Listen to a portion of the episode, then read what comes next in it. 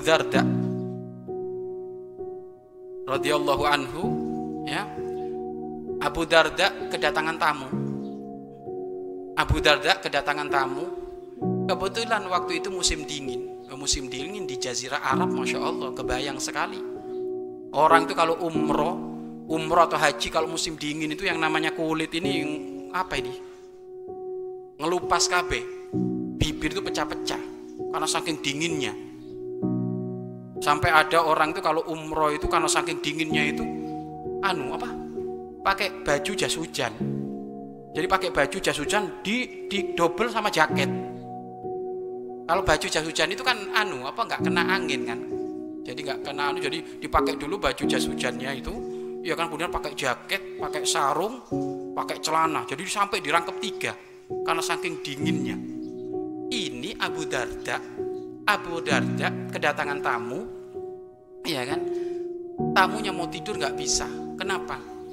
Karena dingin. Akhirnya ditengok-tengok ini gimana ini? Kita tamu nggak disambut kayak gini mau tidur susah nggak ada selimut nggak ada apa. Akhirnya dicari kebetulan kamarnya Abu Darda itu pintunya bukan pintu kayak gini pintunya adalah pintu satir. Pintu apa itu? Horden. Dan kebetulan nggak dibuka eh, nggak ditutup nggak ditutup hordennya. Kelihatan saat itu Abu Darda pun lagi menggigil kedinginan. Artinya apa? Abu Darda juga nggak pakai selimut. Akhirnya ketahuan lagi dilihat tamunya bangun Abu Darda ada apa wahai tamuku? Ana heran dari tadi nyari selimut ke sini nggak ada apa-apa nggak ada pekakas apa-apa. Perabotan rumahmu pada ke mana? Perabotan rumahmu pada ke mana? Ini nggak punya perabotan apa-apa di rumah ini. Senyum.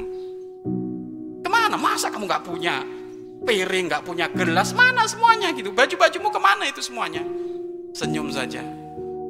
Sudah aku kirim ke rumah yang ada di sana. Oh itu punya rumah lagi? Iya sudah tak kirim. Pokoknya saya setiap setiap apa setiap dapat oleh-oleh apa gitu tak kirim ke sana katanya.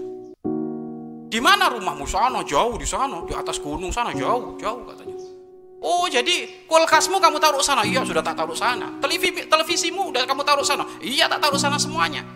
Ini kalau kalau zaman sekarang bahasanya kayak gitu. Mobilmu mobilmu? Iya tak taruh sana semuanya. Di mana sih saya ingin tahu? Berarti rumahmu di sana bagus, bagus sekali. Di mana itu? Fil jannati di surga nanti. Ini. Jadi setiap punya harta itu langsung diinfakkan untuk perabotan di rumah surga nanti. Setiap dapat duit diinfakkan biar nanti rumahnya di surga aja jadi. Masya Allah nangis tamunya tadi. Oh ini, ini loh zuhud itu kayak gitu. Jadi bukan berarti dia nggak punya duit, punya duit tapi duitnya dipakai di jalan Allah. Ya kayak Abu Darda itu.